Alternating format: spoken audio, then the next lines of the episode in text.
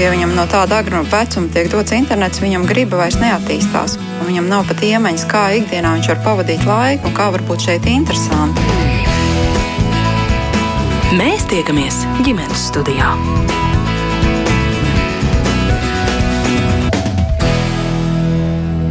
Ko?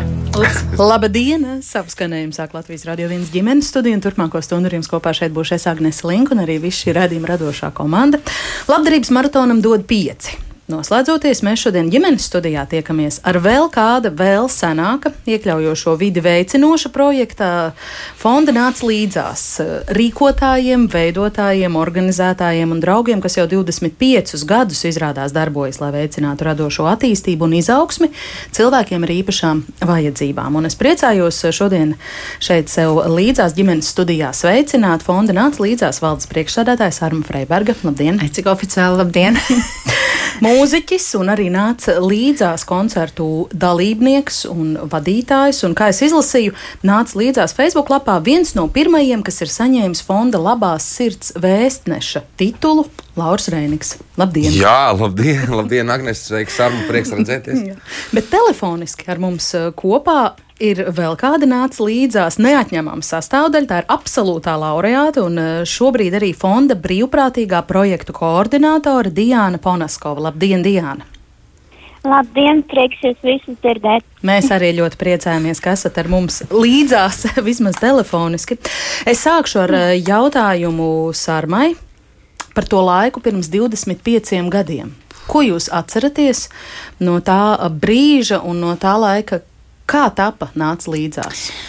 Es atceros ļoti spilgti to laiku, tāpēc, ka es biju ļoti nezinoša pati, griboša darīt, bet nezināju, var teikt, gandrīz no kura gala sākt. Bet ko mm. jūs gribējāt darīt un kāpēc? Es gribēju, var sakot, es gribēju, es vadīju dēļ ansambli sprīdītis, ja, un, un, es, un pilnīgi ar, tikai ar to, un es gribēju iekļaut tātad cilvēks ar īpašām vajadzībām tādā kultūras apritē. Es domāju, viņi arī noteikti ir talantīgi, viņi noteikti var gan dziedāt, gan dejot, gan visu, ko darīt, jo es zināju skaidri, ka es nespēju ietekmēt nevienu arī tajā laikā nekādu iestādi, kaut kādas pacēlājas vai uzbraukt uz būvēt ietekmēt arī tagad, ja kas nespēja ietekmēt, bet um, uh, tas cits stāsts. Um, Nu, lūk, un tad es sapratu, ko tad es varu darīt. Es varu aicināt viņus uh, kaut ko darīt radoši uz skatuves vai izstādēs. Nu, tā bija tā mana ideja.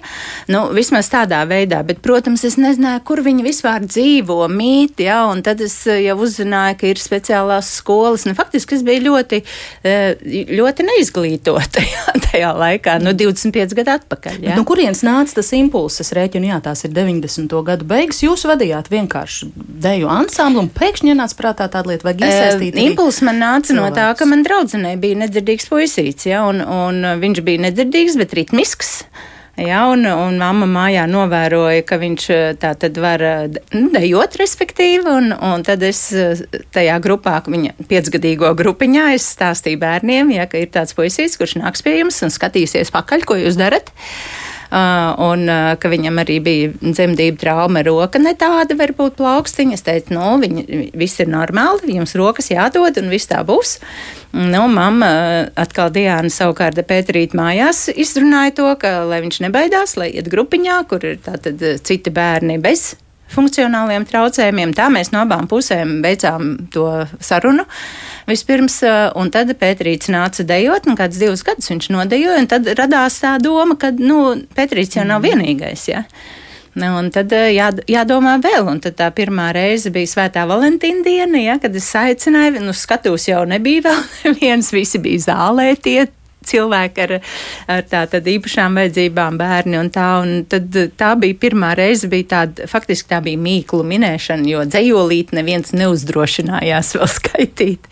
Bet mēs norunājam, ka viņi, var sakot, tie bērni tika iedrošināti, un es teicu, nu tad nākamgad jūs sagatavosiet kaut ko. Jā, viņi apsolīja. Nākamgad es stāvu pie durvīm ar kladi un rakstu, ko katrs sagatavojas. Un tā bija pirmā tāda reālā, kad viņi uzgāja uz skatuves, bet es tiešām stāvēju pie, ar kladi pie durvīm durvīm un pierakstīju, ko katrs sagatavojas. Nu, šodien, kad mēs redzam šo lielo koncertu nāc līdzās Ziemassvētkos, tad tā pagātne liekas tāda, bet interesanti. Tā Jā, tas sākās. sākās no pēterīša. Mēs saprotam, kā jūs formulētu, kas eh, nāca līdzās ir šodien, vai jūsu darbības fokusā ir šie Ziemassvētku koncerti, ar eh, kuriem jūs atpazīst eh, lielākā sabiedrības daļa, vai arī fonds nāca līdzās ir ar plašāku darbības spektru? Ziemassvētku koncerti, es vienmēr saku, ir aizberga redzamā daļa, bet faktiski mūsu darbs ir aizberga neredzamā daļa, un mēs strādājam cauru gadu.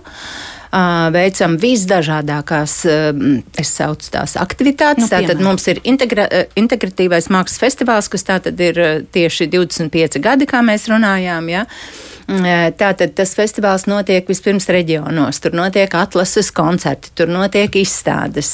Tad mums deviņus gadus jau tagad darbojas nāc līdzās jauktais koris, kur dzied eh, gan cilvēki ar redzes traucējumiem, gan kustību traucējumiem, gan autis, autiskā spektra traucējumiem, un, un arī mammas ir iesaistījušās, jo mammas ir loģiski asistenti Latvijā, eh, jo par tik lētu apmaksu neviens normāls mums profesionālu asistentu nav.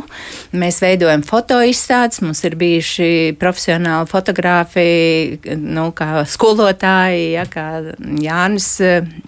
Deinats, eh, Mednis, eh, un, un, eh, un tad mums ir bijušas, ah, un tagad mums ir, piemēram, pirmā Latvijā au- tātad outsider mākslas izstāde, kas ir pašreiz atvērta Nacionālajā bibliotēkā, kurā piedalās visi valsts sociālo aprūpes centru klienti. Tātad tie ir klienti, kas ir ar dažādām mentālām problēmām. Nu, es kaut ko varu arī piemirst, bet katrā ziņā darbs mums ir gana. Es kā nākamo iesaistīšu Diānu mūsu sarunā. Diana, es gribu pavaicāt, lai jūs izstāstat, kā jūs esat eh, pievienojusies, nāc līdzās saimei. Kā tas notika? Jā, nu tas, godīgi sakot, ir 20 gadus atpakaļ un pilnīgi neticams cipars man kā jaunai meitenei. Tad es tiešām sāku no sešiem gadiem un man daudzi jautā to mirkli, to notikumu, bet tas viss notika tik patiesībā netverami un ātri, kad es mācījos pirmajā klasītē un apmeklēju rehabilitācijas centru. Mēs esam līdzās. Uh, ļoti līdzīgs nosaukums ar fondu, kas arī tā īpaši. Uh, tad uh, man bija arī muzikālās nodarbības, un tad, nu, tā kā var teikt, terapijas mūzikas, kur uh, man atklāja man mīļā skolotāja, pat pirmā muzikas skolotāja Ieva Prauliņa, šo uh, ritmisko tādu sajūtu un mūziku, un tajā laikā arī Sārma pamanīja to, ka uh, rehabilitācijas centrā ir jaunieši un bērni, kuri arī ir muzikāli, un mums, mums aizsākās šī sadarbība. Un tā pirmā tāda lielā, var teikt, uh, kāpšana uz tās skatuves nāca, uh, nāca man kā ar dzējoļu lasījumiem, vēl nemaz es tad vēl nedomāju par dziesmām, uh, un uh, tie bija dzējoļi, un uh, tas tiešām viss notika tik, uh, uh, tik harmoniski tik uh, iekļaujoši, kad uh, nav tāda varbūt viena konkrēta atskaites punkta, bet uh, tas, kā pēc tam viss virzījās un uh, iesaistījās daudzi uh, tiešām bērni un jaunieši, un tā skaitā es ieraugot to, ka es neesmu vienīgā, kurai uh, ir šīs, šī atšķirība, kad uh, ir tik daudz citu bērnu, kuriem ir uh, līdzīgas aizraušanās un uh, atbalsts. Un tad viennozīmīgi es biju pārsteigtā un, uh, un, un, un ļoti vēlējos turpināt uh, mācīties un apgūt uh, to, ko man dod skoliņā un to, ko man iedrošina arī vecāki.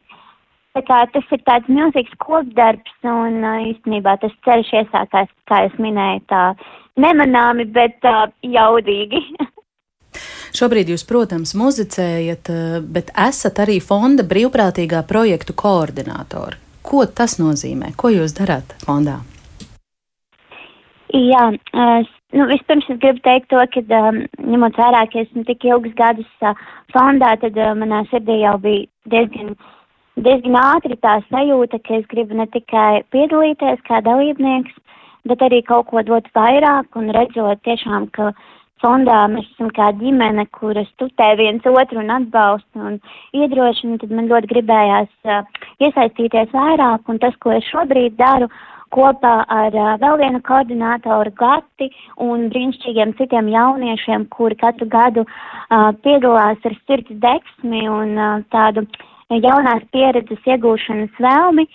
Mēs vienkārši palīdzam visos mazos uh, administratīvajos, tā teikt, darbiņos, lai pasākums notiktu, jo ir ārkārtīgi daudz momentu, kurus nav tik vienkārši nav tik vienkārši iztenot un zinot, cik sarmā ir daudz, daudz, daudz ideju un daudz enerģijas, tad ir tikai prieks un gods būt blakus un, jā, un atslogot varbūt no tā milzīgā darba apjoma mums ar savu ieguldījumu palīdzēt viņai un visiem pārējiem, kuri vēlās piedalīties jo ar vienu aug jau tas skaits, un pilnīgi neticami, ka mēs esam aptvēruši tiešām 25 gadu laikā nu visu Latviju, un ļoti daudzi par mums zina, un ļoti daudz ir tie, kuri uh, ir gada piedalās, un tie, kuri varbūt pār, pārmaiņas uh, gadas piedalās ar kādām pauzēm, bet tomēr prieks, ka esam tik daudz, un tas ir saviņojoši katru gadu. Jā, jums ir izdevies izveidot zīmolu. Es tā varētu formulēt, Lauri. Kas ir bijusi jūsu motivācija šai visā iesaistīties? Ko jūs darat nāc līdzās ietvaros un um, kāpēc esat labās sirds vēstnesis? Es nezinu. nezinu. Bet, protams, paldies par šo titulu. Izklausās ļoti labi. Es to neizdomāju. Facebook tā raksta. jā, Sārma varbūt izdomāja, vai es nezinu, kā. Nē, nu, titulu es izdomāju, jā, bet pucītis, ja, kas ir arī simbols šim, nu, klāt nāk tāds kā mm, materiāls, tāds eh, koka veidojums ko tā tad mūsu arī viena mamma, vecāka, līvas vecāki e, ir e, uztaisījuši tādu mm. radošo. Vienīgais tāds ir, citiem tāda nav. Nu, jā, nu, man arī tāds ir, jā, jā, jā, jā. bet nu, paldies, bet tā ikdienā fondā nāca līdzās, es daru tieši neko. es uh, vairāku gadu garumā ar prieku pieņemu sarunu zvanu. Uh, viņa die, to diezgan laicīgi dara jau parasti. Ap Jāņiem. Jā.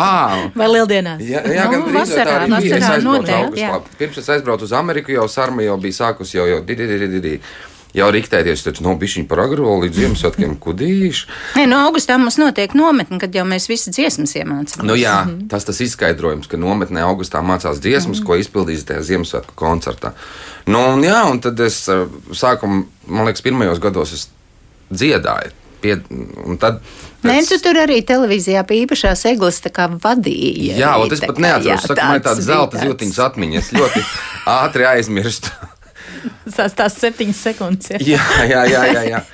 Bet uh, es atceros šo koncertu un pagājušā gada mm. koncertu, bet nejautājiet man, kādas atmiņas ir par koncertu pirms desmit gadiem. Nu, bet par to motivāciju vai par tām sajūtām pirmo reizi saņemot zvanu un, un tiekot uzaicinātam uz, uz šādu pasākumu? Nu, pirmkārt, man kā mūziķim vienmēr ir. Uh, arī menedžmentā noteikts, ka nu, Ziemassvētki ir labdarības laiks, un uz visām labdarības akcijām, kur mani aicina, nu, bet gribot, es nevaru braukt, ne dziedāt, ne vadīt, jo vienkārši nav tik daudz laika un arī resursu, un tas tomēr arī maksā. Un tad mums ir tāds savs kvotas. Un, un prioritātes, un, un tad nāca līdzās vienmēr ir arī to prioritāšu aug, augšā, jo tas ir arī kaut kas tāds, kas uh, citiem cilvēkiem ir redzams. Nevis tas, ka citi cilvēki mani redzēs, bet citi cilvēki redzēs tos bērnus. Tā, piemēram, es aizbraukšu privāti, neviens viņus neredzēs, kā viņi dzied, bet šitien ir iespēja mums, tiem pieredzējušiem mūziķiem, satikties ar bērniem un jauniešiem, kuriem ir kaut kādi traucējumi, kas netraucē viņu talantiem. Mm -hmm. Vai ne? Tā kā man vispār ļoti patīk. Eh, Ziemassvētku laiks, Ziemassvētku koncerti un šī labā ideja, šī mūsu satikšanās. Jo visiem ir vieta, uh, kā dzīvē, tā arī uz skatuves. Un šī ir lieliska tāda vieta, kur to parādīt un pierādīt. Mm. Nu, ne visi, ne, ne visi to saprot. Un, un ne... nu, daudz kaut ko, kaut ko nesaprot, bet tāpēc lēnu garu vajag pilināt to saprāšanu. Un, mm, jā, es varbūt piebildīšu Laura teiktajam, ka šajā gadījumā.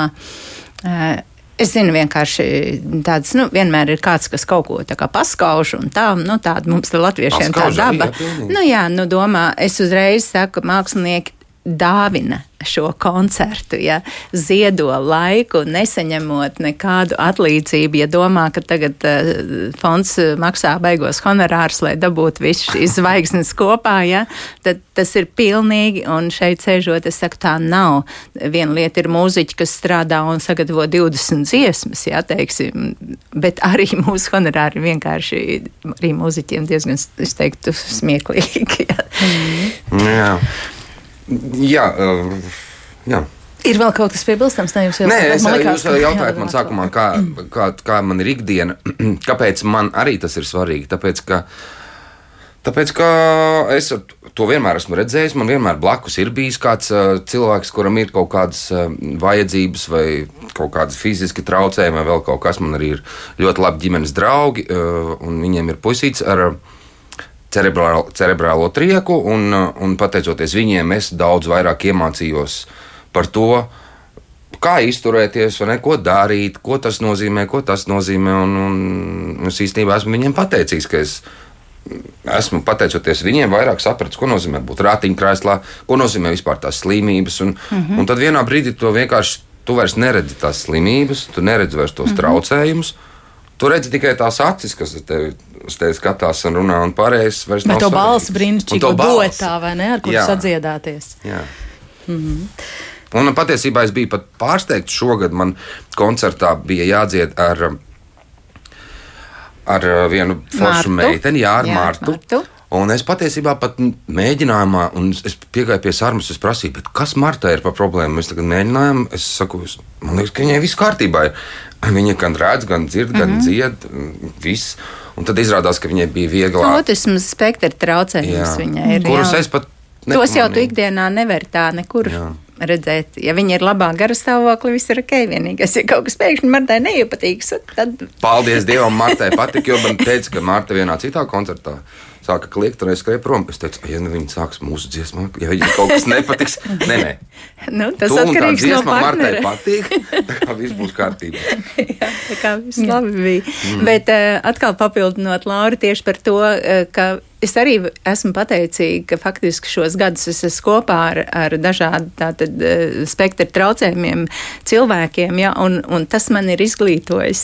Ja es, kā es teicu, sākumā es neko nesapratu, tad tagad es esmu tik gudra, ka es varu lasīt lekcijas jau tālāk citiem, ja. Mm -hmm. Bet tā ir tā saskarsme ikdienā, un, un tāpēc varbūt tas, ko dod pieci, dara, ir mm, pat ja dod pieci nesavāks vajadzīgo naudu, ko viņi noteikti nesavāks, jo nauda ir milzīga vajadzīga, lai visas vajadzības nosektu, ja, tad tieši tas izglītošanas darbs ir tas, ko viņi dod, tās intervijas, kur stāsta ar dažādām Jā. Jā. pieredzēm, un ka cilvēki sāk bišķiņi padomāt, ja, un tā attieksmes maiņa jau ir.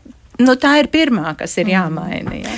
Starp citu, par dodu pieci es arī gribēju pavaicāt. Jūs uh, esat iesaistīti šajā jau ilgāk. Ar kādām domām, ar kādām sajūtām jūs klausāties? Jūs noteikti sekojat šajā akcijai, nu vismaz daļēji. Jā, es eh, sekoju, un, un es domāju, ka tas ir ļoti svarīgi mm, izvēlēties pareizo mērķi.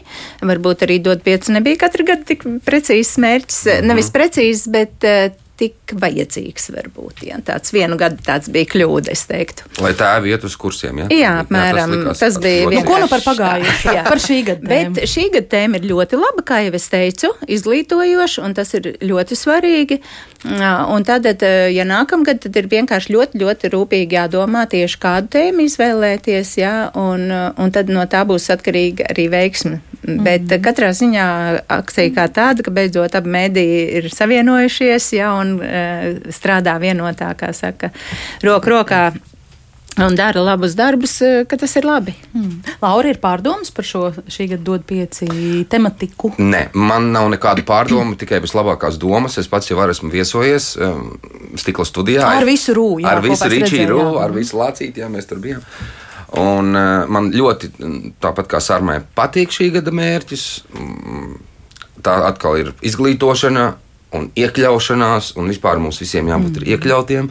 Un tas, par ko tagad uh, Un jābūt visiem iespējām izdarīt pamatvajadzības kaut kādas. Un tas ir tas, par ko pieci šogad runā, mm. un tas ir ļoti apsveicami.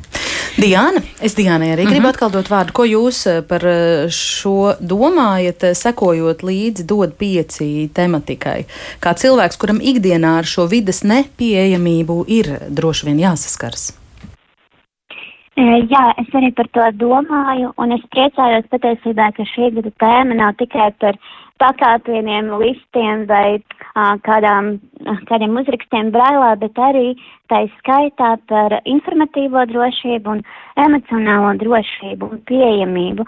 Jo, kā mēs arī redzam, uh, to, ka svarīgi ne tikai šķērsot uh, kādu barjeru, bet arī tajā vidē justies pieejam, nu, tā kā drošam. Uh, un ka šī vide ir pieejama tev uh, caur šo attieksmes maiņu, jo, kā mēs visi ļoti labi zinām, var uzbūvēt uh, liftu vai uzlikt uh, norādes, bet ja cilvēku attieksme un uh, šī, šīs zināšanas nav pietiekamas, tad uh, visdrīzāk šī iekļaušanās nebūs pilnvērtīga un, un tāda, uz ko mēs visi ejam un, un ceram. Līdz ar to man prieks, ka ir dažādi šie stāsti, ka cilvēki aizdomājās, ka ne tikai var pajautāt par palīdzību, pārstumjot vai pārceļot cilvēku, kurš saskarās ar um, to vidas nepieejamību, ko vienkārši nevar atrisināt, ja tas ir, teiksim, vēsturisks objekts vai kāda cita uh, vide, kurā tiešām ir grūti izveidot šo pieejamību, bet ir šī attieksme un tas solis pretī ar sapratni, ar dialogu veidošanas interesi, kas ir ļoti, ļoti svarīgi mūsu ikdienā, jo pilnīgi noteikti komunikācija un tās veidošana atrisina ļoti daudz uh, problēmas un situācijas mūsu sabiedrībā. Tāpēc tikai pateicība un prieks, ka šī tēma beidzot izskan arvien plašāk un ar ļoti fokusētu mērķi. Un jūs runājat, ja pareizi sadzirdu par sabiedrības attieksmes maiņu, vai tā? Protams, bet arī šajā gadā es nereti minu to, ka uh, gan arī sabiedrībā jābūt tai, kura vēlās izglītoties, gan arī pašiem cilvēkiem ar invaliditāti, jo nereti mēs aizmirstam arī, protams, par pašiem sevi, jo arī mums ir uh, jāspēj uh, uzņemties to atbildību un drosmi, nebaidīties citiem stāstīt, kā tad mums palīdzēt, kā tad mums uh, um, nodrošināt šo pieejamību, kas ir nepieciešams arī vienkārši no savas puses iedrošina tos cilvēkus ar invaliditāti, kuri tikai gaida izmaiņas, arī būt tiem, kuri tās veicina. Tas tik un tā ir ļoti svarīgi. Di Diana jāiet politikā. Viņa tā kā labklājības ministra norunāja tikko. labklājības ministrs vakar, starp citu, bija stikla studijā. Jā, par jā. to arī atsevišķs stāsts.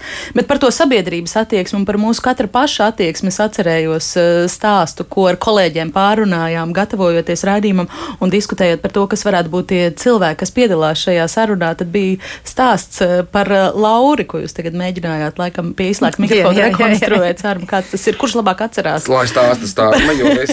Nē, nu stāsts, stāsts bija tāds, eh, par, par, par Lauri bija tas eh, iniciatīva. labais stāsts, jā, tāds, ka pagājuši gadu viņš dziedāja kopā ar Renātu Jakovļa eh, koncertā, un Renātai uzdeva jautājumu, uh, nu, kāda viņa bija pirmā tā kā tikšanās ar Lauri un kaut kas tāds, un viņa pēkšņi atcerējās, ka viņa kaut kur braukusi ar skolu, ekskursijā vai Kuldī. kur un bija lietains laiks un peļķis, nu, viņa ir, Renāta ir pilnīgi neredzīga meitene, un tas bija labu laiku atpakaļ, jā, tādā agrā uh, jaunībā, Laura. Ja? un Renāte teica, un Lauris mani pārnesa pāri peļķei. Un Lauris to pirmo reizi dzirdēja pagājušajā gadā. Jā, es biju pārsteigts, ka tas stāsts ir bijis kuldīgā, un viņa tur bijusi ar vecmāmiņu, un ka viņai vecmāmiņa teica, ka tas bija Lauris, vai viņa pati pēc balss mani atpazina. Es neatceros, man acīm redzot, tas likās kaut tik, kas tik pašsaprotams. Pašsaprotam, jā, ka es vienkārši tā kā kādam patvēru durvis, tā es arī varbūt pārcēlu tur pāri, bet ir ļoti jauki, ka tādas labas atmiņas saistās ar mani. Jā. Turpināšu tāpat tādā garā. Sārma, jūsu uzmanības centrā, un, ja es pareizi saprotu, jūs par to rakstāt arī doktora disertāciju, ir kultūra vidas pieejamība. Tādā plašā šī uh, jēdziena. Jā, faktiski darbs ir vairāk par to, ka tātad vienalga sauksim cilvēku ar īpašām vajadzībām, funkcionāliem traucējumiem, ka viņu kultūrai ir tieši tāda pati vieta kultūrā kā jebkuram no mums. Tas ir tas galvenais, un tad jau, protams, ka viss jau sāks ar vidas pieejamību. Tas nu, ir primāri. Par jā, to ir stāsts jau. Es nedaudz paprovocēšu ar savu nākamo jautājumu. Jums varbūt tā varētu šķist to dzirdot, bet tieši dod pieci kontekstā. Uh, klausoties visus tos stāstus par cilvēkiem, kuri vai nu nevar patstāvīgi par sevi mājās parūpēties, jo viņiem trūkst kaut kādu veidu palīgu līdzekļu, vai viņi nevar patstāvīgi iziet no mājas, tāpēc ka viņi fiziski mm -hmm. netiek ārā. Kāda tā aina ir Latvijā, vai mēs tiešām varam runāt par tādu greznību vai par tādu ekstru kā kultūra vidas pieejamību? Mm, jāsaka, aina nav laba. Tiešām nav laba, jā? Nē, nav laba, uh, jo es tiešām veicu pētījumus gan Rīgas kultūras iestādēs, un tā skaitā bērnu jauniešu centri, kur mūzikas skolas, mākslas skolas, kur sāk šī kultūras apguve. ja tu gribi būt kā, kā tāds profesionāls virzīties, ja nerunājot par kultūras namiem vēl, tad, nu, un, Faktiski ir tā, ka, nu, bet es uzzināju, ka no labklājības ministrijas pētījuma tur ir vēl sliktāk. tā, tā kā kultūras iestādēs bija apmēram tā, ka, nu, pa tām dur, nu, pa durvīm tiekšā, iekšā tiek kādos um, 75%, ast, nu, kā kurš tur droši vien arī atbild, cik precīzi, bet, nu, plus mīnus. Bet, nu, es jau vienmēr saku, nu, ko tad tu darīsi iegājis vestibilā, ja, ja tu tālāk neties, ja, jo zālē jau mazāk tika iekšā. Mm, nu, tā tad tur jau bija kāds šķērslītis vai, vai otrā stāvā vai šauras durvis, mm. jo tika aplauš, ap, aptaujāt visi Latvijas kultūras nami, centri, tautas nami. Nu, jā, tas bija viens, un tad bija tāds viens eh, nu, tāds vienkāršs jautājums par tolets pieejamību. Tātad cilvēkiem ar īpašām vajadzībām tur pusīt palika tikai. Mm -hmm. Nu, kā tad tu ies uz kultūras namu, ja tu nevari iet? Attiecīgi labierīcībās, nu, tu neej tur. Un tad bija tāda kurioza, ja, kur arī atbildēja, tieši kā jūs iepriekš minējāt, kur kultūras iestādes vadītāji teica, nu, tur bija jautājums, vai arī piedalās eh, kādos pulciņos, kolektīvos cilvēku ar īpašām vajadzībām. Man bija viena unikāla atbilde, kur bija mūsu novadā vai pagastā, neatceros tagad, tādu cilvēku nav. Mm. Nu, priekškars būtībā šeit krīt priekškars. Jā, jā, jā. jā nu, tad tu paskaties statistikas pārvaldē datus, nu, tā ir visā Latvijā tā cilvēki. Respektīvi, es, es tagad arī lasot lekcijas, teiksim, muzeja darbiniekiem, es saku, mums tiem, kas ir kultūrā iekšā, teiksim, un ir jābūt proaktīviem un jāaicina šie cilvēki, jo viņi jau neies, ja viņi nezina, ka viņus kāds ir gatavs sagaidīt vispār ar viņiem strādāt. Atkal par attieksmi. Mm -hmm. Mēs atgriežamies par to pašu. Pat ja tas slieksnīts zālē ir, bet ja viņi teiks, nē, nāciet, mēs jums palīdzēsim, nodrošināsim, uzliksim kaut kādu to nu, mobīlo uzbrauktuvu, to nu, visu laiku tur runā par to, kā cilvēkiem jābūt aktīviem, lai iesaistītu, lai viņi tiktu gaidīti. Jo pašreiz viņi nav gaidīti. Mm -hmm. Nu, ja paši cīnās, tad, tad tiek. Jā. Latvijā koncertējošiem mūziķiem, cik Jā. svarīgi ir nodor, nodrošināt savos koncertos vidas pieejamību? Jums personīgi? Vispār ļoti labs jautājums. Un es tagad nemalošu. Es par to nebiju aizdomājies. Mums, mēs saliekam koncertu grafikus notiek vienošanās ar koncertu zālēm, kur tas būs, vai kādām arēnām, vai stad, mm, sporta halēm. Un, mm. Mēs pat neiedomājamies. Mēs vienkārši rēķinamies, ka tie, kas gribēs, tie atnāks. Vai, Redzi? vai visi, kas tiešām gribēs, vai viņi varēs fiziski atnākt, par to es nebiju iedomājies. Un varbūt par to ir jāpadomā. Laura, tu vari sākt domāt par to ļoti labi, un ja tu uzstādīsi kaut kādu, nu, tā kā latiņu varētu teikt, un tu tai kultūras vietai teiksi, vai jūs esat padomājuši, un, piemēram, mobilā iebrauktu kaut vai, ja nav, piemēram, mm. vai bez zālē, nu, tas nav nekas, tas iznomā noliec un mm. viss. Vienkārši tad varbūt tie cilvēki kultūras iestādēs arī uzreiz padomās, o jā, Reinigs grib, lai tur tiek iekšā visi. Nu, jā. Diana, kā jūs uz šo uh, raugāties uh, no tāda kultūras pasākumu apmeklētāja viedokļa? Jūs taču ne tikai uzstājaties, pati arī kādreiz kaut kur gribat aiziet. Jā, protams, es arī pētu to pieejamību, kāda, kādu piedāvā koncerta rīkotāji, un, teiksim, tādos koncertos, kuri tikai stāvvietas, es esmu arī bijusi tādos, kuru, diemžēl, nav padomāts par cilvēkiem ar kustību traucējumiem, proti nav nodrošināta uh, platforma, kas ir tā kā paaugstinājums, uz kuru var uzbraukt un redzēt, um, sēžot ratiņkrēslā pāri citu cilvēku galvām. Būtībā es, es skatos, esot tajā pūlī vienkārši uz cilvēku kājām vai mugurām, ne tā. Bet ir ļoti grūti izbaudīt koncertu, jo tu baidies, ka kāds tev vienkārši var uzkāpt virsū. Un, lai, lai arī koncerts ir tik, tik kolosāls un tu gribi viņu piedzīvot, bet um, tu baidies vienkārši par savu drošību un, un, un, un veselību attiecīgajā brīdī.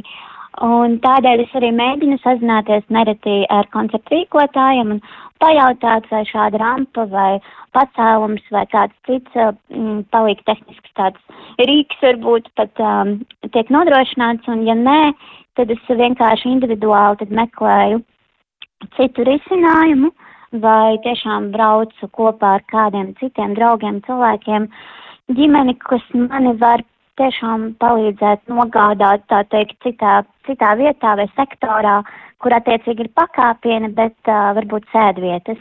Līdz ar to es nevienmēr varu izbaudīt pasākumu, teiksim, viena pati vai ar kādu, kurš uh, mani, nu, tātad nepārceļ vai nepārstumj un neuzņemās varbūt tādu atbildību mani fiziski uh, ņemt rokās, tā teikt. Tādēļ es to arī tā skrupulozāk pētu, lai vienkārši varētu pilnvērtīgi izbaudīt pasākumu. Jā, Sārma par šo vēl gribēju. Es gribēju piebilst, jā, ka mums bija pieredze, tas bija dziesmu svētkos tieši, es atcerējos, kad Diana minēja par šo sajūta, ka tev pūlis var nonest un ka nav tā vieta kaut kāda mm. uh, dziesmu svētkos, tā vieta skatītājiem ar kustību traucējumiem bija paredzēta, bet mēs kā koris, kas dziedājām, mums vispār nebija padomāts ne par ko dalībniekiem.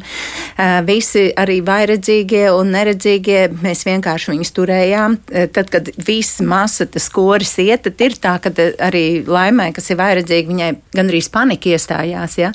No nu, tāda, ja, un par ratiņniekiem vispār nebija padomāts, kur viņi varētu būt kopkorī, lai viņi redzētu diriģentu.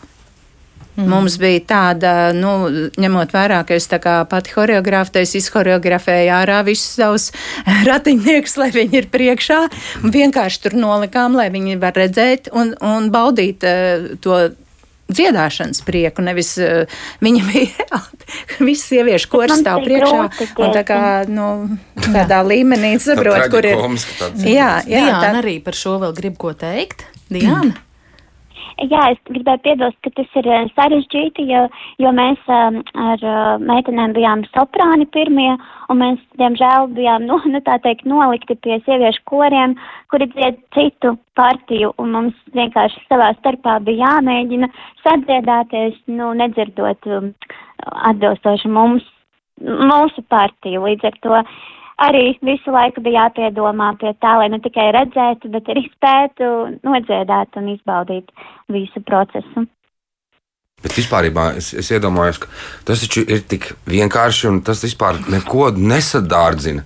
Ne, un, tikai nu, padomāt. Jā, arī par tām, kā jūs saucat, tās rampas. Mm. Nu, ko tur cel? Nu, slīksnim pārtikt, jā. Jā, man liekas, tas ir Bet man liekas, ka tagad jau ka tās visas jaunās ēkas ceļ tur jau būs. Man prieks, ka mana mamma bija mm, Tervits no domas priekšsēdētāja daudzus gadus, un tad viņa arī uztaisīja to uzbrauktu savai domai, lai visi tiek. Un Tervitē mm. arī ļoti padomāts ir, lai arī pārkā var cilvēki ar ratiņiem atpūsties un visu kaut kā. Nu, tur vēl ir dīkti garš un plašs tas stāsts Bet par lēnām, to, jo tur dažreiz centimetra vai procenta slīpums Jā, eh, kaut kādos nu, būvnormatīvus mm -hmm. izpildīts, bet fiziski tas nav iespējams. Jā, nu, jā, jā nu, kā, neprecīzi. Mm, tāds. Tur, tur, tur ir ļoti daudz nianšu. Par to droši vien vēl vienu veselu raidījumu mm. varētu uh, spriest. Bet tā mana kaimiņiene Linda, ko es iepriekš, pie, es pa viņu stāstīju arī mm. pieciniekā, jo tad, kad es teicu, ka mēs jau nezinām, kā var palīdzēt cilvēkiem, ja mēs viņiem nepajautājam. Jo mēs tur varam izdomāt, viņiem vajag to un to īstenībā viņiem kaut ko citu vajag. Mm. Vai baidamies, piemēram, pajautāt, jā, nu, kā baidamies. es tā uzbāzīšu? Jā, un es, piemēram, arī Lindai konkrēti prasīju, saku, nu, tev ir puika ratiņkrēslā ar to cerebrālo trieku, saku, nu, ko tev vajadzētu, kā tev varētu palīdzēt.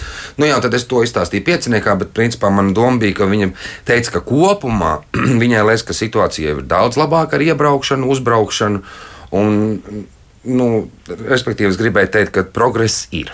Jā. Nē, nē, lēnām notiek, lēnām. Tikai Jā. es saku, ja es eh, to daru 25 gadus, iedomājos, es ceru, ka vēl 25 nevajadzēs. Bet... Nu, jā. jā, starp citu, par tām eh, ģimenēm runājot, Diana pieminēja, nu, ka viņa tad dodas kopā ar kādu, un ģimenes locekļi ir tie, kas palīdz un, un pasargā mm. un paorganizē, lai tu varētu tur kaut kur piedalīties. Eh, cik lielā mērā tieši tas, kāda ir ģimene, cik aktīva, cik iesaistīties gatavība, ļoti, ļoti. gatava, nosaka to Kuri bērni nonāk eh, pie jums un jaunieši nāca līdzās pulkā? Es teiktu, ka ģimene ir nu, pats galvenais. Jo, piemēram, ja mēs skatāmies mūsu korī, mums dzied viena bārene, kas, eh, kuru arī tad atved no Jūglas pansionāta neredzīga meitene, tāpēc, ka tur ir cita mamma ar meitu, ja, kas eh, strādā tajā pansionātā. Bet praktiski visi pārējie ir tādi cilvēki, ko atbalsta ģimene, varbūt viens neredzīgs puisis, ko mēs visu laiku tā kā paši, paši ņemam un vedam un visu daram. Um, un citi, kuri varbūt ir tādi patstāvīgāki, bet uh, kam ģimene ir laukos un saimniecība un tā, bet no ģimenes viennozīmīgi ir ļoti, ļoti svarīgi. Nu, Respektīvi, vai tev krīt tā laimīgā loza, vai tie vecāki būs tik uzņēmīgi, jā, vai ne? Jā, jo arī mēs jā. strādājot šodien un gatavojoties dod pieci un, un pētot tos stāstus un izzinot tos, mēs visu laiku saskaramies ar to, ka tā ir tāda ģimenes cīņa. Ja ir tas cīņas spērs vecākiem, tad, tad mm -hmm, lietas notiks. Mm -hmm. Vai arī, ja tu gadies Eh, nu, kā es saku, blakus eh, kādam, tā kā es saku, ja, ka tā, tur jau ir viena mamma, kas ved, vai tur ir cita mamma, kas atkal uzņemas, eh, nu, pa ceļam, tā tad mēs Igoru paņemsim, jo Igoru neved neviens, ja, teiksim, un mēs vienmēr to daram, ja, un viņš ir atplaucis cilvēks beidzot, jo pirms tam viņš bija absolūts dzīves pesimists un vispār nekas nav, nekam, nu, nekam nav vērtības un tāds. Un tagad viņš visu grib, viņš grib iet jau vingrot, ko viņš sākumā kategoriski pateica, ka viņš neies vingrot. Cik viņam gadi? Igoram jau 30, es varu nokļūdīties, bet kaut kas 30 un. Tad viņš vēl daudz kaut ko var darīt. Jā, jā, jā, Labi, jā viņš ir pilnīgi tagad tāds, jā. Bet iespējams, ka daudz Latvijā vēl ir talantīgu, muzikālu, ar lielu radošu potenciālu jauniešu, kuriem nav varbūt šis ģimenes atbalsts. Nu, jā, bet uh, es domāju, arī ģimenes atbalsts viens, bet tas, ko es jau teicu, ja tevi negaida, uh, tad tu arī nekur tu vari iet uz to kultūras iestādi. Ja, kāpēc pie mums brauc no, no aizputas, pie mums brauc no balviem, no dobeles, no kurienes brauc cilvēki dziedāt uz kori? Jo šeit viņus gaida. Viņi saka, tas ir mans koris, es te vienmēr esmu gaidīts, te mani sapratīs, ja? nepārmetīs, ka es tāds vai kaut ko nevaru vai tādu. Ja? Nu, Tas ir tas, tas ir tas primārais, un uz ko man ļoti gribētu nu, aicināt visus kultūras namus un iestādes, lai, lai nāk pretī šiem cilvēkiem, lai ņem koros, ja, jo tiešām ir, kas var dziedāt, nu labi, varbūt redz, un te atkal ir tas viens tas savukārt pētījums, ja ka mums vajag augstāk, tālāk, labāk, eh, ja tu nesasniegs tos rezultātus uz dziesmu svētku, tur kādā tajā anketā nedabūsi attiecīgo finansējumu, nu, jautājums par kas mēs gribam būt. Vai mēs gribam būt visi kopienā un forši kopā dziedāt, vai mums vajag sasniegums tik un tik balvas, kā žūrija iedod. Man liekas, vajag gan. gan. nu, jā, būtu, nu, tas ir atkal tieši tas stāsts. Redzi, ka nāca līdzās koris, reāli mēs uh, tādi, kā mēs esam, mums kop, nedrīkst likt vienā vērtēšanas listē, jā. faktiski. Ja? Jā. Jo cilvēkiem ir ratiņkrēslos, visiem ir saspiest diafragmas, viņiem nav tik gara elpa. Cilvēki ar redzes traucējumiem, viņiem var būt super atmiņa, bet kamēr viss tas aiziet vispār, ja Viņi tu nevari skatīties no vienkārši notīs un dziedāt, kā dara no, citi kori. Ja? Un tā ir starpība. Un ja man Rīgas domē pasaka, gaidiet nākamo konkursu, kad, vai jūs dabūsiet diriģentam algu, nu, kaut kas nav nav kārtībā. Tad. Nav kārtībā un diezgan daudz kas nav kārtībā, un par to mēs uh, esam uh, rūpējušies un raizējušies un runājuši arī šī gada labdarības maratonā dod pieci, un uh, šobrīd mūsu sarunai pievienosies arī šī gada dod pieci vēstnese. Man kolēģi Justīna Savicka, kas visu šo laiku ir pārstāvējusi tā teikt tādu vienoto žurnālistu balsi projekta ietvaros dien dienā ejot uz stikla studiju un ziņojot par lietas būtību, velkot tādu esenci ārā no uh, vidas vides pieejamības visplašākajā šī jēdziena nozīmē problemātikas. Eh, sveiki, Justīna! Sveika, labdien! Vai tu vari lūdzu pastāstīt, kādi ir tie tavi galvenie secinājumi, noslēdzot šobrīd savu vēstneša, kas nozīmē arī pētnieka izzinātāja misiju šajā uh, tematikā? Nu, Bet es par tādām ļoti konkrētām lietām. Protams, jo protams. Mēs ar kolēģiem eh, sapratām un, un secinājām un sadzirdējām, cik daudz ir lietas, kas cilvēkiem ir vajadzīgs. Ja mēs runājam par palīgu līdzekļiem, piemēram, nu, tad tas ir tas pacēlājs, par kuru te runāts tik daudz jau, bet nu, apmaksāts no pašvaldības. Nu, kāpēc tas ir tik būtiski? Tāpēc, ka nevar atļauties cilvēks divus, četrus vai septiņus tūkstošus samaksāt līdzmaksājumā. Tas ir kaut kas vienkārši neiedomājams. Ja saka, vienā pašvaldībā apmaksās desmit tūkstošus, bet septiņi jums jāpiemet ir pašiem klāt, nu, kur cilvēkiem tā nauda ņemt, tas vienkārši nav iespējams. Turklāt katrā pašvaldībā ir atšķirīgi noteikumi, un tas ir kaut kas tāds, kas būtu jāmaina, un to var izdarīt, ka tā situācija visur ir līdzvērtīga, un tas līdzmaksājums, ja viņš ir, viņš ir adekvāts, bet viņam noteikti jābūt daudz mazākam. Ratiņkrēsls individuālām vajadzībām derīgs, pacēlājs iekštelpās arī cilvēkiem ir vajadzīgs, ortozes, sēdēšanas sistēmas, tur dzirdes aparātu vai kohleāro implantu apkope, uzturēšana arī pieaugušiem cilvēkiem. Ko tas nozīmē, ir ielikts cilvēkam desmitiem tūkstošu vērts aparāts, viņš ir palicis pilngadīgs, Un tagad šo aparātu viņam vairs neusturēs vai nemainīs to procesoru vai, vai, vai nelabos un neremontēs kaut kādu vadu vai vēl kaut ko. Tas ir kaut kas, nu, nu par to ir jā, jādomā par to var domāt un to var atrisināt. Tur ir ļoti daudz vajadzību. Servisa suņu uzturēšana, piemēram.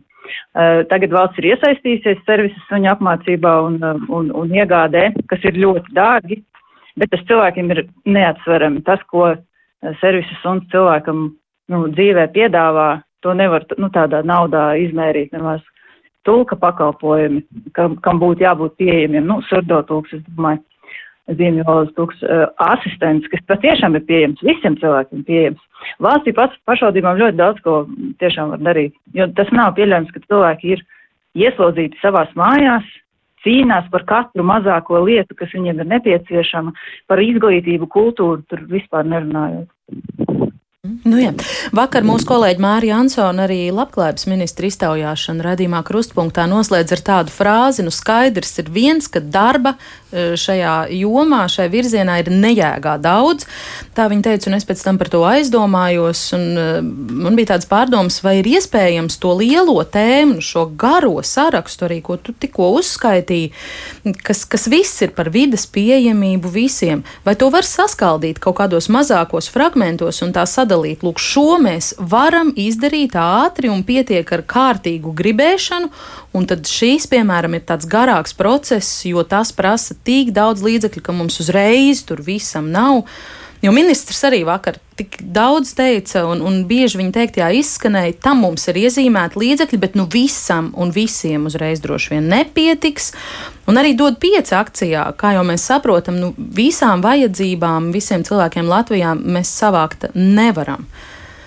Kā tev šķiet, ir iespējams sadalīt kaut kādās tādos, tādos reāli ātrāk padarāmajos darbos un tos kaut kā akcentēt?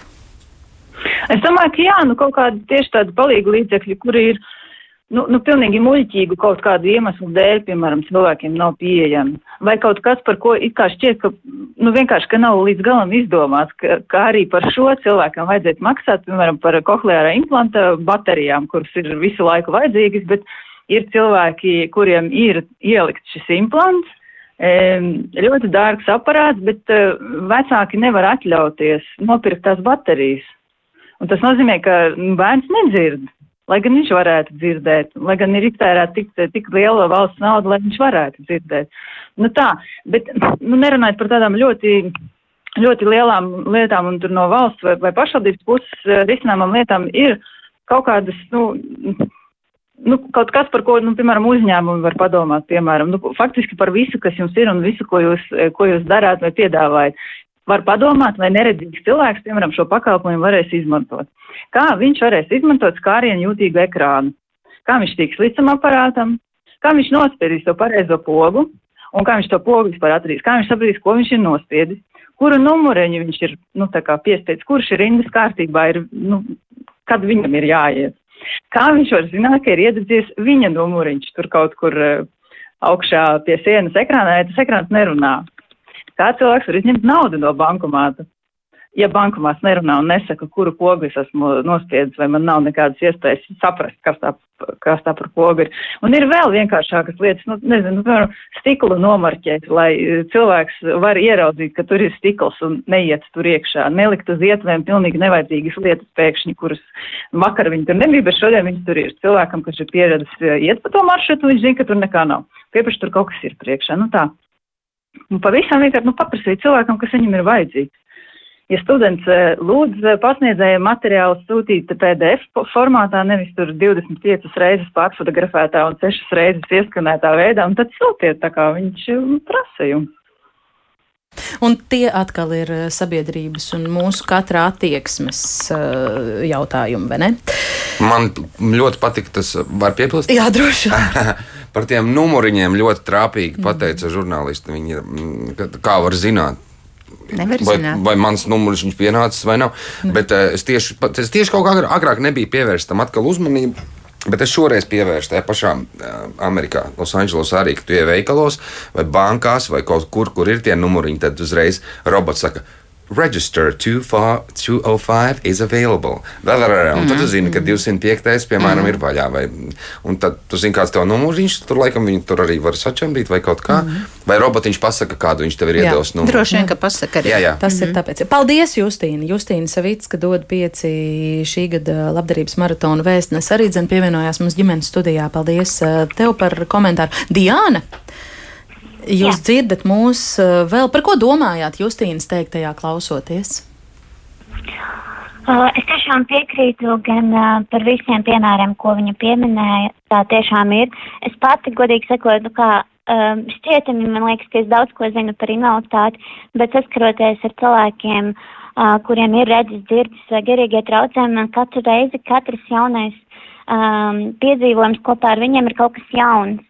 Jo tiem, kuriem ir mm, vairedzība, viņam, teiksim, vajadzīga, uh, teiksim, gaisma, lai viņi varētu norentēties telpā, savukārt citiem nevajag, un uh, ir, um, ir jāatskaņo kaut kādas lietas, ir jāpaskaidro, tāpat arī ir jauniešiem no mūsu nāc līdzās kora, man arī katru reizi ir um, jāatcerās lietas, uh, jāpastāsta, kur mēs atrodamies, ko mēs redzam, cik soļi priekšā ir jānoiet, lai, mm, nezinu, atvērtu durvis un tā tālāk, un Uh, arī es mācos, neskatoties uz to, ka es esmu ratiņkrēslā un uh, es esmu pieradusi pie sav, sava, tā teikt, spektra ar šķēršļiem, kas man jāpārvar, bet viennozīmīgi arī es piedomāju, cik daudz es varu uh, piedāvāt arī palīdzību uh, cilvēkiem ar kustību vai cit, citiem traucējumiem un cik es varu arī dot šo palīdzību.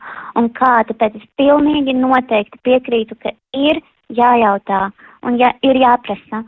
Un vēl viena piezīme, kas uh, man pavisam nesen arī bija kā uh, paraugu stunda, tāda mācību stunda, uh, teiksim, cilvēkiem, kuriem ir runas traucējumi uh, un viņiem ir grūtāk izteikties, uh, man arī nav jābaidās pārjautāt un atzīt to, ka varbūt šī komunikācija man nav saprotama, vai es īsti nesapratu, ko tas cilvēks man saka, bet uh, ar cieņu un atbalstu par to, ka man interesē ar viņu komunicēt, es gribu saprast un pateikt, ka vari lūdzu atkārtot vēlreiz, jo es gribu dzirdēt, ko tu man stāsti. Jo daudzi cilvēki vienkārši izliekas, ka viņi sapratuši vai izliekas, ka viņi kaut kā kaut kā iesaistās sarunā, bet uh, ik viens grib būt dzirdēts, uzklausīts un saprast.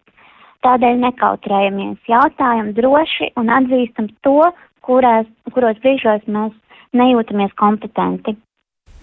Jā, paldies par šo padomu un iedrošinājumu. Mums vēl dažas minūtiņas ir atlikušas šajā rādījumā, un es, Diana, jums arī gribu vēl pavaicāt um, par to, ka nu, tas jūsu un, un vēl vairāk talantīgo nāca līdzās um, mūziķu piemērs. Mums it kā rāda, ka viss ir it kā kārtībā, jo jūs esat izglītoti, jūs esat studējuši, jums pašai ir maģistra grāts, un, un varētu tad arī šķist, ka ar izglītības piemību arī mums viss ir kārtībā. Tāpat laikā dod pieci vairākos stāstos ļoti konkrēti iezīmējās tas, ka fakts tāds cilvēks nevar studēt to, ko viņš vēlas, jo fiziski nu, netiek iekšā konkrētas augstskolas, konkrētā fakultātē. Kā jums ir izdevies piepildīt šīs savas vēlmes un, un uh, ambīcijas? Nu, labi, viens stāsts ir nācis līdzās, kur noteikti visi tiešām ar zobiem un nagiem parūpēs par to, lai jūs tiktu tur, kur jums ir jātiek, uzskatums, Mēs noskatums uznesam, un tā tālāk. Uznesat, ja vajag.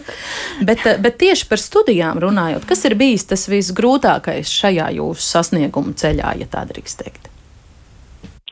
Um, manā gadījumā es tiešām izvēlējos augstskolu principā pēc pieejamības uh, aspektiem, jo lai arī citi studenti jau zina, ko viņi grib studēt, un tad iet noteiktajā vietā, kur piedāvā šādu mācību programmu. Man sākumā bija jāskatās, kur es varu fiziski piekļūt, jo es vienmēr zināju to, ka es gribu izbaudīt studijas klātienē, pilnvērtīgi, esot komunikācija un miedarbībā ar visu. Uh, un visiem, un līdz ar to jāizvēlējos tikai pēc pieejamības, un paldies Dievam, tur arī bija programmas, kas man interesēja.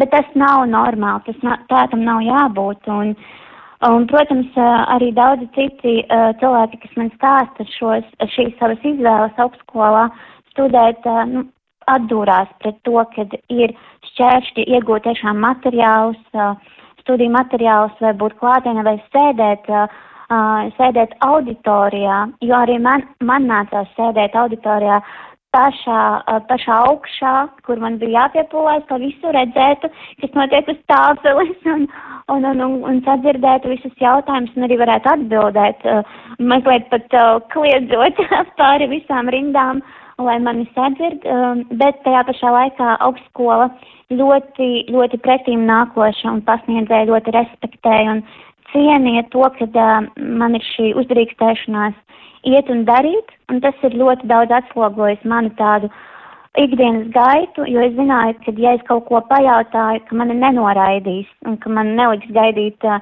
nenormāli ilgu laiku, lai es uh, varētu kaut kādā konsultācijā uh, aizdoties vai kādu jautājumu atrisināt. Šajā gadījumā uh, tā attieksme bija ļoti pretīm nākoša, bet man vajadzēja papūlēties ar pieejamības jautājumiem.